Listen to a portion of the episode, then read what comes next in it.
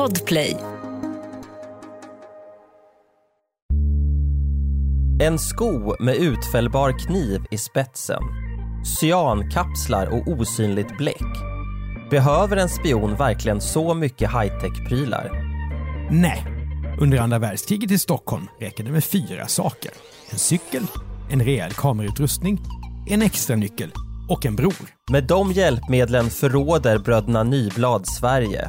Men när den svenska krigsmakten slutar slarva och gillar en fälla blir de två av historiens misslyckade spioner.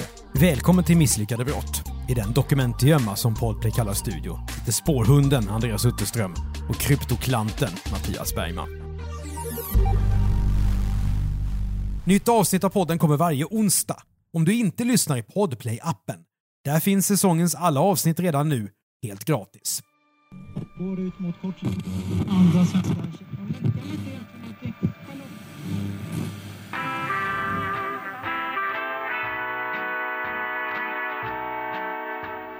En svensk tiger.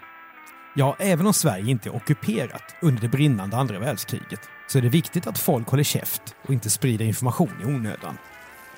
Det förstår man inte minst om man läser om livet i Stockholm under 1940-talets första år. Till exempel i böcker av vår gamla husgud, underrättelseforskaren Wilhelm Agrell. I hans berättelse om Stockholm som spioncentral beskrivs staden faktiskt som rena Casablanca. Alltså en smältdegel där mer eller mindre hemliga militärer, attachéer och ambassadfolk från alla länder går runt och smyger på varandra. Det här är en idyllisk stad med sina 590 000 invånare i kommunen. Men bakom fasaderna är det fuffens och rackarspel på gång. Ryssarna, tyskarna, engelsmännen, amerikanerna. Alla håller de till i våningar runt om i innerstan och försöker luska ut hemligheter om varandra. En luftkonditionerad herrsko kostar 22 kronor på Skoman. Damerna kan unna sig havrekrämen Farena som bevarar ungflyxhyn. Det säger i alla fall swingdrottningen och influensen Alice Babs. Ett kilo rågbröd kostar 45 öre på Konsum. En aktie i Investor går lös på 750 spänn. De här siffrorna har jag kan vi säga fått från Dagens Nyheters annonser från tiden. Då. Jag misstänkte det. Jag misstänkte det. Mm. Ransoneringskupongerna klipps. Sverige är som en oas av neutralitet och normalitet mitt i en värld av krig. Två som tänker på annat än rågbröd är Allan och Knut Nyblad. Allan är 35 och hans bror Knut är två år äldre. Bägge är de infödda stockholmare. Allan bor med sin fru Alva högt upp på Dalagatan i Vasastan. Knut huserar på Banergatan på Östermalm. Idag är det två adresser som vi får säga är fashionabla och där man knappt har råd att köpa kvadratmeterna till en gästtoalett om man inte har rejält med sparpengar.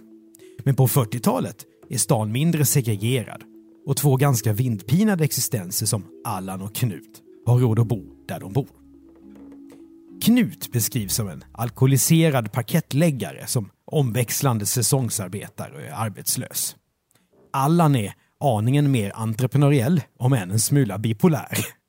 Han har varit frivillig i det finska vin Vilken mening! Mer entreprenöriell om än en smula bipolär. Jag tror att det, det, det skulle nog eh, kunna sägas om en hel del eh, kända entreprenörer, eh, till exempel Elon Musk som på Twitter själv har spekulerat ja. i om han är bipolär. Ja. jag vet inte riktigt eh, vem som har skrivit den här meningen. ja, det, det, är inte jag, ledtråd. Nej, eh, nu kan man då, Elon Musk är en bra jämförelse, men Allan är väldigt långt ifrån det. ja, det ska det visa sig. Det ska det visa sig. Allan har varit frivillig i det finska vinterkriget och han har också en annan egenskap som inte alla vid den här tiden skulle skylta med. Allan är nämligen övertygad kommunist. Alltså, när han läser nyheter om kriget så blir han glad när det går dåligt för tyskarna och Sovjetunionen ser starka ut. Ja, Andreas, vi har ju bilder här på Allan och Knut. Mm. Ja, hur ska man beskriva dem egentligen? Jag tänkte när jag, när jag hittade de här, jag tänkte att de ser verkligen ut precis som vilken gubbe som helst. Ja, men det var vad jag tänkte på också, att när man ser tidningar från den här tiden så är de, de har väldigt generiskt utseende allihopa. Alva är ju mm. med här på bilden, Allan och Knut. Så att om man, om man tänker sig klassiska personer i Sverige på 40-talet, då får man de här tre. Nu är det ju inte så att du och jag har gått och trott att spioner ser konstiga ut. Att de ser ut liksom som påfåglar på något vis. Men det var ändå slående att de är lite karaktärslösa. Ja, det skulle kunna vara så här genrebild i bildbank. Sven, svensk på 40-talet, då skulle man få upp de här tre. Ja, men precis. Sverige har alltså fortfarande fred. Men eftersom alla länder är representerade i Stockholm med sina underrättelseverksamheter så inser den svenska krigsmakten att vi också måste ha koll på läget. Så nu byggs en professionell säkerhetstjänst upp, steg för steg. Och det är ju det som Agrell har beskrivit så bra i sina böcker. En av de nya instanser som byggs upp är då Försvarets kryptoavdelning. Krypto, det handlar alltså inte om valutor med blockkedja utan om att knäcka koder. Och snart kommer då svenskarna att hitta en guldgruva. För i Uppsala sitter Arne Börling. Han är professor i matematik och han är ett geni. Och på två veckor lyckas han knäcka tyskarnas fruktade G-skrivare, der Geheimschreiber. Det här är lite Sveriges motsvarighet till hur engelsmännen knäcker Enigma-maskinen. Så Arne Börling är vår Alan Turing. Hur som helst, nu kan svenskarna lyssna av vad tysken säger över radio. På det sättet så luskar Sverige ut, först av alla, att invasionen av Sovjet, Operation Barbarossa, är på gång. Det är hemligheter som varenda utländsk ambassad skulle göra mycket för att lägga vantarna på. De blågula militära kontoren på olika platser i Stockholm bildar som ett spindelnät på kartan. Karlaplan 4 är en viktig central för signalspaningen, FRA. Det så kallade Grå huset på Östermalmsgatan är en annan, där försvarsstaben och ÖB sitter. ÖB, Olof Törnell, som kallas för lustmördaren eller glädjedödaren. Varför Det är en då? hård tid. Nej, men han, han var tydligen en, låt oss säga, stram chef. Ja, jag förstår. Eh, ingen eh, sån här snäll HR-avdelning på den tiden. Nej, ingen AV. Nej. Inget bygge av pepparkakshus. Inget kuddrum. Ett poddtips från Podplay. I fallen jag aldrig glömmer djupdyker Hasse Aro i arbetet bakom några av Sveriges mest uppseendeväckande brottsutredningar. Går vi in med hemlig telefonavlyssning och, och då upplever vi att vi får en total förändring av hans beteende. Vad är det som händer nu? Vem är det som läcker? Och så säger han att jag är kriminell, jag har varit kriminell i hela mitt liv men att mörda ett barn, där går min gräns. Nya säsongen av Fallen jag aldrig glömmer på Podplay.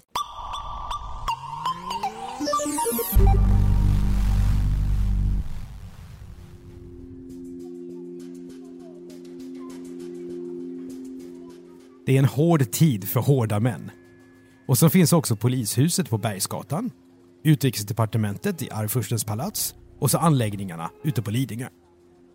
Mellan de här kontoren måste man ju ha en säker och snabb postgång och här ska vi då fiska upp Allan Nyblad igen. För i januari 1941 får Allan jobb som ordonnans på Karlaplan 4. Och vad är det för tjusig militär titel då? Ja, Allan är cykelbud åt kryptoavdelningen inom signalspaningen. På två hjul och med en väska i högsta hugg fraktar han dokument mellan de olika adresserna. Det är inget högavlönat jobb, men Allan blir snabbt en del av gänget. Inte minst beskrivs han som populär bland damerna. Allans ordonnansväska låter proffsig, men vi talar om en helt normal dokumentportfölj med lås som försvaret har införskaffat i butiken Väskan nere på Kungsgatan. Portföljen fylls med 70 dokument i taget, låses omsorgsfullt med nyckel och så har jag Allan iväg. Från Karlaplan bort till Grå huset är det bara tre kvarter så det går snabbt och smidigt. Det här upplägget kan låta säkert, men nu skevar det ur. För det var ju den lilla detaljen att Allan är kommunist och det har staben missat att kolla innan han blir anställd. Eller missat som Wilhelm Agrell berättat. Man tar vid den här tiden alldeles för lätt på personalkontroll av de som man ska nyanställa. Det är ju inte alls som idag när vi nästan allihop screenas mot polisregistret och får våra CVn kollade, oavsett vilket jobb vi söker. Nej, Allan är inte rätt person på rätt plats. Han är typexemplet på en riskgrupp för att bli spion. Och då tolkar jag det som att det här är inte en person som håller sina sympatier hemliga, utan med lite enkel research så hade man upptäckt, det här är en kommunist, honom ska vi hålla så långt härifrån som möjligt. Ja, det är min bild också. Eh, Det är inte så att han skrivit på DN Debatt så att säga. Han är inte riktigt lagd för det. Men Stockholm är en liten stad och om man har koll på vem som är kommunist så får man nog det, tänker Mm. jag. Och här brukar vi ju vid den här tiden i de här avsnitten om spioner mappa upp ungefär vad de har för drivkrafter. Och vi har ju läst in oss på att det finns i grunden fyra drivkrafter för spioner. Mm. Det är då utpressning, alltså att den som man blir utpressad och tvingas börja spionera.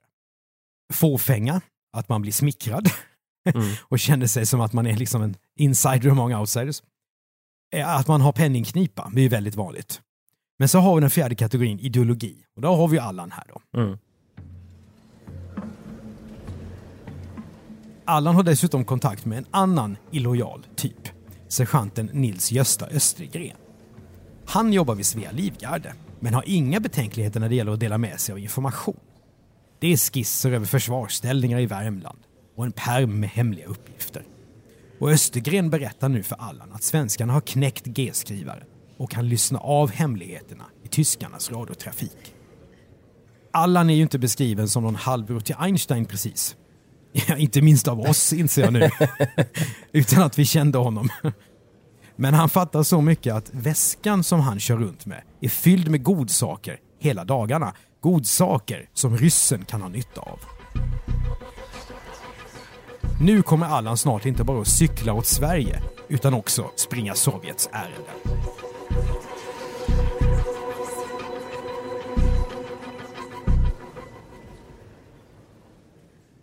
Så det verkar som att det är inte så att han, när han söker det här jobbet, tänker att det här ska jag kunna använda eh, för att bli spion, utan han kommer på det här under tiden om jag tolkar manus rätt.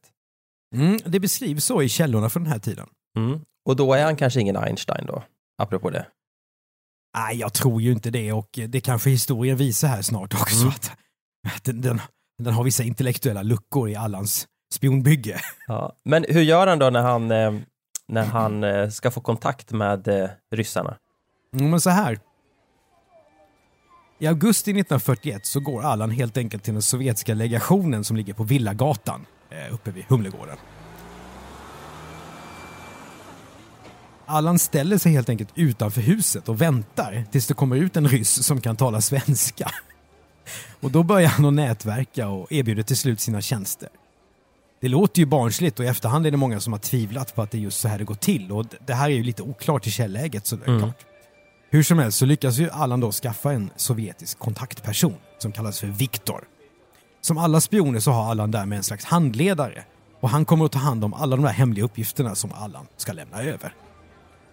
Planen är enkel och så sätter spioneriet igång. Allan sätter sig på hojen med portföljen fylld. Ungefär halvvägs, den korta biten mellan Karlaplan och Östermalmsgatan, svänger han blixtsnabbt av och så går han in i en lägenhet på Grevgatan. Den har han med ryssens pengar hyrt speciellt för ändamålet. För att ses ute på gatan vore för riskabelt utan nu kommer väskan att öppnas och det måste ske på ett sätt som ingen märker. Eftersom krigsmakten har gått in i en vanlig väskaffär nere i stan så har Allan helt enkelt besökt samma butik och köpt en extra nyckel till portföljen. För alla portföljer har ju samma Åh nyckelsystem. herregud, ja. Nästa steg för Allan är nu att fotografera av pappren som ligger i väskan. Jag tänkte på det förut när du berättade om väskan, så här, ja, de har köpt den i en vanlig affär. Tänk om han kör omkull, tappar väskan eller slarvar bort den på något sätt och, och någon hittar den. Det är inte så att det verkar som att det krävs särskilt mycket för att få upp den. Då sitter man på alla de här hemliga dokumenten. Det är ju helt sanslöst att de inte var mer försiktiga. Så är det. Och det finns lite olika källor eh, och vissa av dem beskriver att Allan har gjort ett avtryck av nyckeln. Mm. Eh, Men här går vi på Agrells uppgifter i hans Ja. bok Stockholm som spioncentral. Ja, det här med att fotografera pappren då, det kommer ju vara en utmaning för Allan. För bra fotoutrustningar växer ju inte på träd vid den här tiden. Om han som då är en vanlig arbetare plötsligt skulle skaffa en fet kamera och framkallningsutrustning så skulle det vara misstänkt. Och att vara suspekt, det är det sista Allan vill. Men vid ett besök på sitt stamfik så har han funnit på råd. För då visar någon honom franska kort. Det är alltså den här tidens porrbilder. Inloppet till Venedig är rubriken på det foto som Allan då får se. Men som alla lyssnare förstår så är det ju inte Canal Grande som åsyftas med inlopp till Venedig. Affärsidén som föreslås för Allan är nu att han ska piratkopiera de här nakenbilderna och sälja som bootleg. Då behöver han en fotoutrustning och där har ju vår spion då fått sin täckmantel.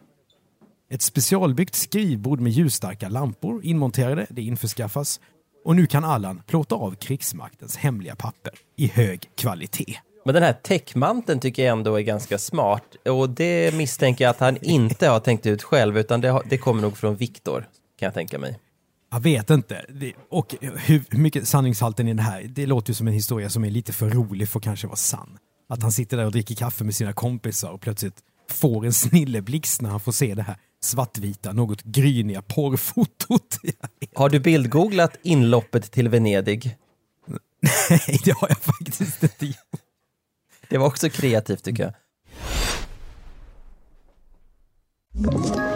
Ett poddtips från Podplay. I fallen jag aldrig glömmer djupdyker Hasse Aro i arbetet bakom några av Sveriges mest uppseendeväckande brottsutredningar. Går vi in med hemlig telefonavlyssning och, och då upplever vi att vi får en total förändring av hans beteende. Vad är det som händer nu? Vem är det som läcker? Och så säger han att jag är kriminell, jag har varit kriminell i hela mitt liv men att mörda ett barn, där går min gräns.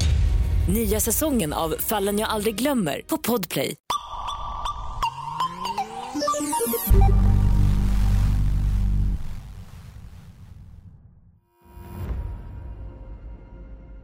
Nu är det dags för nästa steg i hanteringen när han alltså fotat av handlingarna. Och då har han nytta av nyblad nummer två, nämligen Allans egen bror Knut. Knut har oftast inget vettigt för sig om dagarna, utan han blir den som får framkalla filmerna med de avfotograferade dokumenten när Allan då kastar sig in i den hyrda spionlägenheten. När kopiorna är klara så lämnas de sen över till ryssen.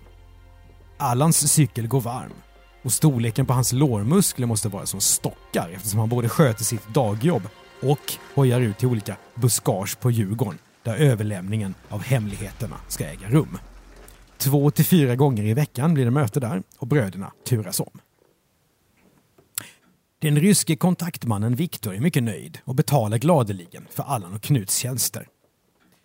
Ja, hur mycket det är det kommer man få veta lite senare. Mm. Men ryssarna vill också ha koll så att bröderna inte blir gripna. För det de håller på med är ju en högriskverksamhet. Därför så fixar de en alldeles speciell kommunikationsmetod. En nära kvinnlig släkting till bröderna, vi vet inte om det är Allans fru Alva, men man kan vara så. Hon får stå vid biografen Paraden på Vallalavägen vid exakt samma tid varje kväll. Om kvinnan tittar på bioaffischerna som hänger till höger om bions entré, då är allting lugnt och bröderna har inte gripits. Om hon istället står till vänster om entrén, ja då är det fara och färde. För inte minst Knut är nervös för att den svenska underrättelsetjänsten ska ha anat ugglor i mossen och skuggat honom. Och här känner man ju verkligen den här Casablanca-känslan i Stockholm. Mm. Mitt på Vallalavägen vet du. Ja, men det, det där känner man igen, det här med att man ska stå, alltså man ska göra vissa vardagssaker. En annan bok som vi har läst om en, eh, en ryss som spionerade för, för eh, Storbritannien. När han behövde hjälp, då var det någonting med hur han handlade bröd eller hur han höll brödpåsen eller något sånt där. Så det var också en sån här vardagsgrej då där, där eh, den som de spionerade åt då kunde utläsa nu behöver jag hjälp och nu är det fara och färde. Så att det där verkar vara en klassiker. Ja, det, det är fantastiskt. Spioneriet går sin gilla gång och syskonkärleken är intakt. Men så kommer det att bli problem. Avgörande problem.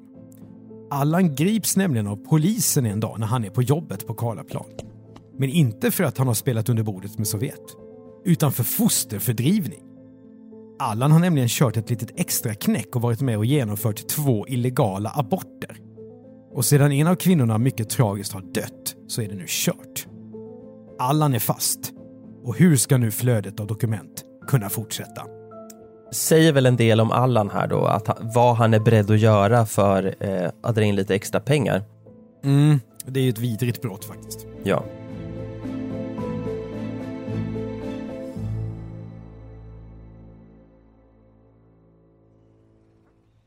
Nu är det 1942.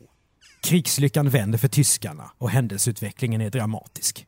Intresset för underrättelseinformation är om möjligt ännu högre än förut. Allan Nyblad skakar galler på Långholmen och strömmen av svenska hemliga uppgifter till ryssarna, de sinar. Ska det här bli slutet på spionaffären Nyblad? Inte alls. Och det kommer Allans fru Alva nu att se till. Visserligen så kommer reportrar senare att beskriva Alva som en blek skugga av sitt forna starka jag. Grannarna, som intervjuas av tidningen Aftonbladet, tycker att hon har vissnat sedan hennes tonårsson hamnat på ungdomsanstalt. Han har nämligen stulit från vindsförrådet i huset där de bor och sen så är det någon kanotstöld som han har gjort sig skyldig till. Men Alva är i alla fall handlingskraftig nog att ta över kontakten med ryssarna. Det kommer att bli hon som trycker fingret i ryggen på Allans bror Knut. Det nya cykelbudet på kryptoavdelningen heter Åke Persson. Han är såklart nyckeln till att spioneriet kan fortsätta. Knut söker upp Åke och inleder en övertalningskampanj, vilket han förkläder till vanligt nätverkande över mängder med koppar krigskaffe. Knut fiskar och fiskar. Är Åke kanske nazist? Är det möjligt att värva honom till konspirationen med ryssarna? Till slut tar Knut bladet från munnen och frågar Åke rätt ut.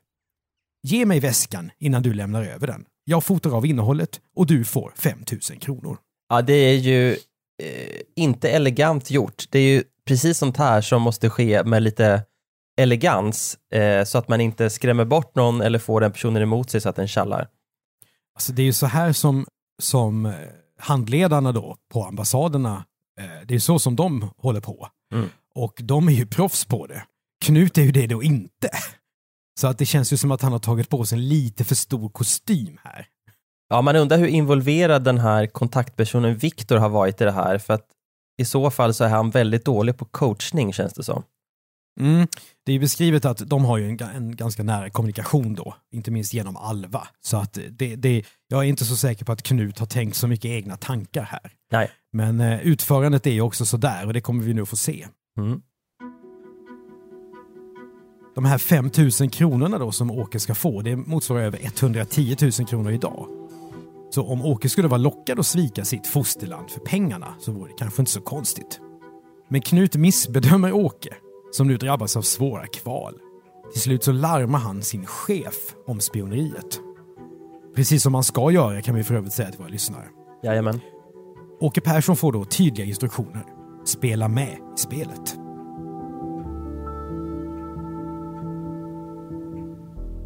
Nu riggas en fälla för att nita Knut. Åke kommer till Knut ett antal gånger med dokument i väskan. Men den här gången är det bara harmlösa uppgifter i pappren. Ingenting som skulle ge Sovjet någon fördel. När Knut lämnar över de fotokopierade pappren blir han skuggad till Hakberget ute på Gärdet. I en skogsdunge står det en ryss och det är såklart Knuts kontaktman Viktor. Som polisen nu känner igen. Det är Konstantin Ivanov, chaufför på den ryska legationen. Klassiker, en techbefattning på eh, legationen. Ja, visst. Saken är klar. Knut är spion. Och nästa gång som han har spionpapper på sig så griper MC-polisen honom på bar gärning på Narvavägen när han cyklande kommer från sitt jobb på Örlogsvarvet. Knut är fast för spioneri, men i tidningarna står det ingenting om hur det rådiga cykelbudet Åke har avslöjat Knut. Där berättas en helt annan historia om gripandet. Möjligen är den planterad av krigsmakten. Men oavsett så är det en story som vi tycker lämpar sig väl här i podden. Enligt medieuppgifterna då, då ska Knut ha åkt dit i en kaffehärva. Mm, det är någonting Det vi har berättat om tidigare i Misslyckade brott. Ja. Kaffe är Ja. som guld. Ja, det verkar nästan vara ett sidospår i den här poddens teman alltså. Men här ska det då ha handlat om två inbrott i firman Rylander och Companys lager på Jungfrugatan. Det är Östermalm återigen. Alltid. Totalt 343 kilo kaffebönor är bytet. Och det är såklart värt sin vikt i guld i de här ransoneringstiderna när svenskarna liksom gör vad de kan för att dryga ut sitt kaffe med örten cikoria och lite allt möjligt annat. Kaffet beskrivs som att vara helt vedervärdigt under krigsåren. Ja, så det är guld som jag sa, bokstavligt Mm. talat under den här tiden. Knut ska då hålla vakt när två kumpaner baxar iväg kaffet och sen ska de tre dela på bytet. Nu går det ju inte att sno med sig alla 343 kilo kaffe på en gång. Första gången får de med sig 140 kilo, så det krävs då ett återbesök. Men efter den första räden mot lagret, då tar Knut resolut 5 kilo av kaffe till sig själv och vill gå hem, för han har främmat. och de här kumpanerna blir då såklart förgrymmade. Knut är illojal. Och hur ska bytet nu delas upp? Till slut så beskrivs det att Knut får 100 spänn, inte mer, samt 15 kilo kaffe som sin del av godset.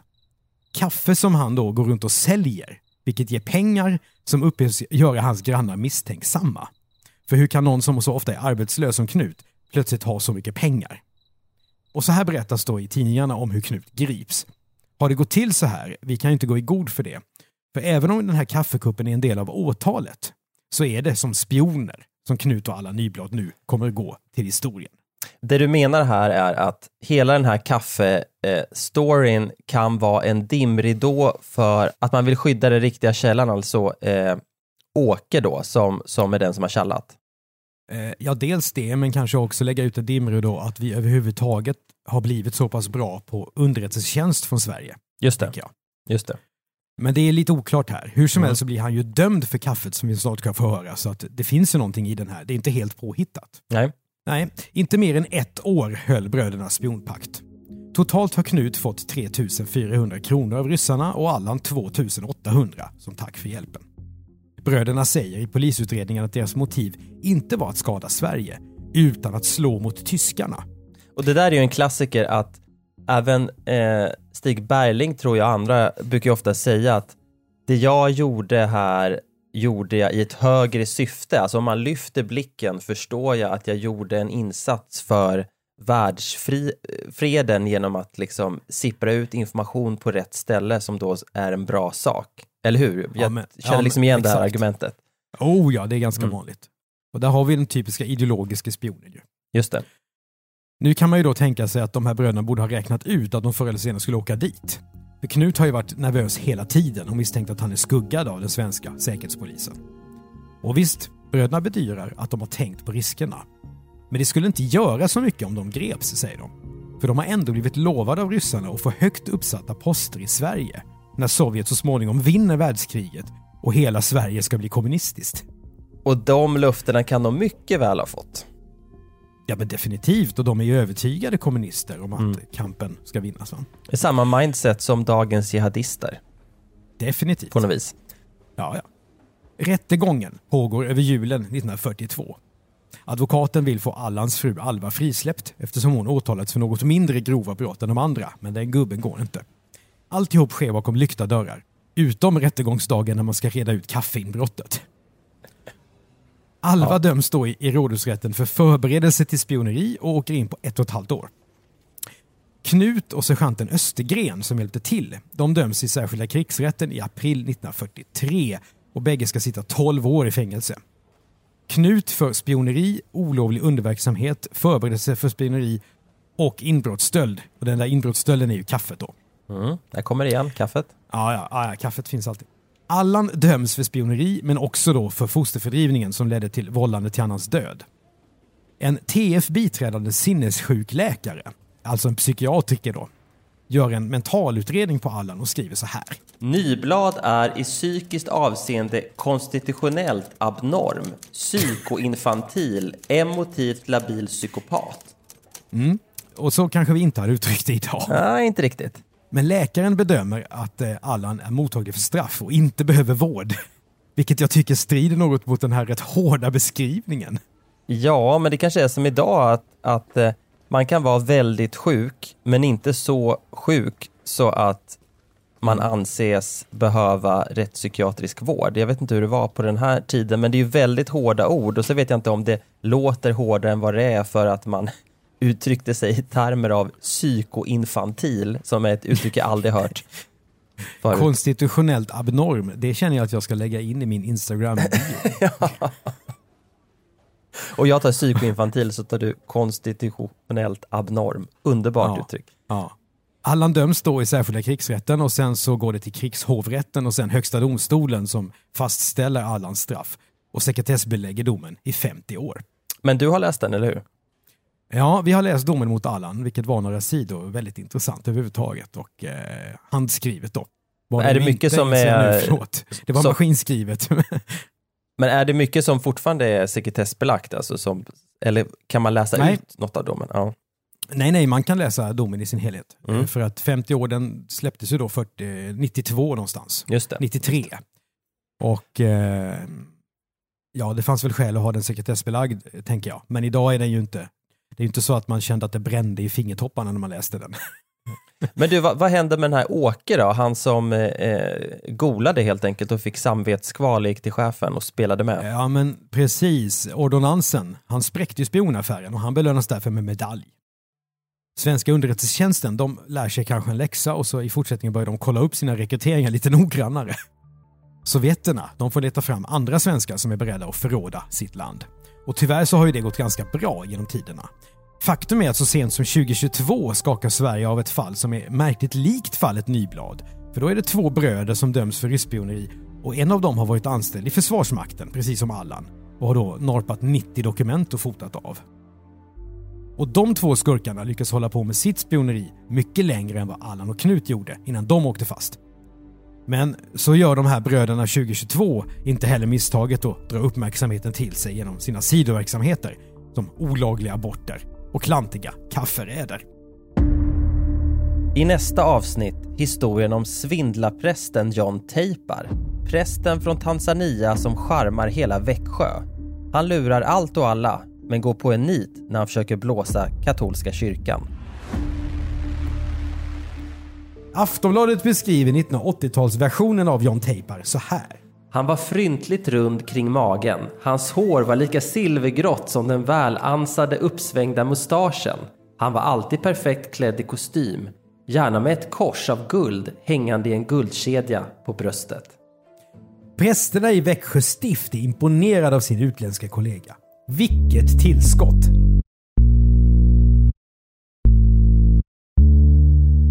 Du har hört ett avsnitt av Misslyckade brott med Mattias Bergman och Andreas Utterström. Tipsa oss gärna om misslyckade brottfall som vi borde prata om i podden till misslyckade bplus.se. Och det är B plus med bokstäver. Exekutiv producent för den här säsongen av podden är Jonas Lindskog. Och det är en produktion av commercial content för Podplay. Läs mer om commercial content på vår sajt och följ oss gärna på Instagram och LinkedIn. Podplay, en del av Ett poddtips från Podplay. I fallen jag aldrig glömmer djupdyker Hasse Aro i arbetet bakom några av Sveriges mest uppseendeväckande brottsutredningar. Går vi in med hemlig telefonavlyssning och, och då upplever vi att vi får en total förändring av hans beteende. Vad är det som händer nu? Vem är det som läcker? Och så säger han att jag är kriminell, jag har varit kriminell i hela mitt liv men att mörda ett barn, där går min gräns. Nya säsongen av Fallen jag aldrig glömmer på Podplay.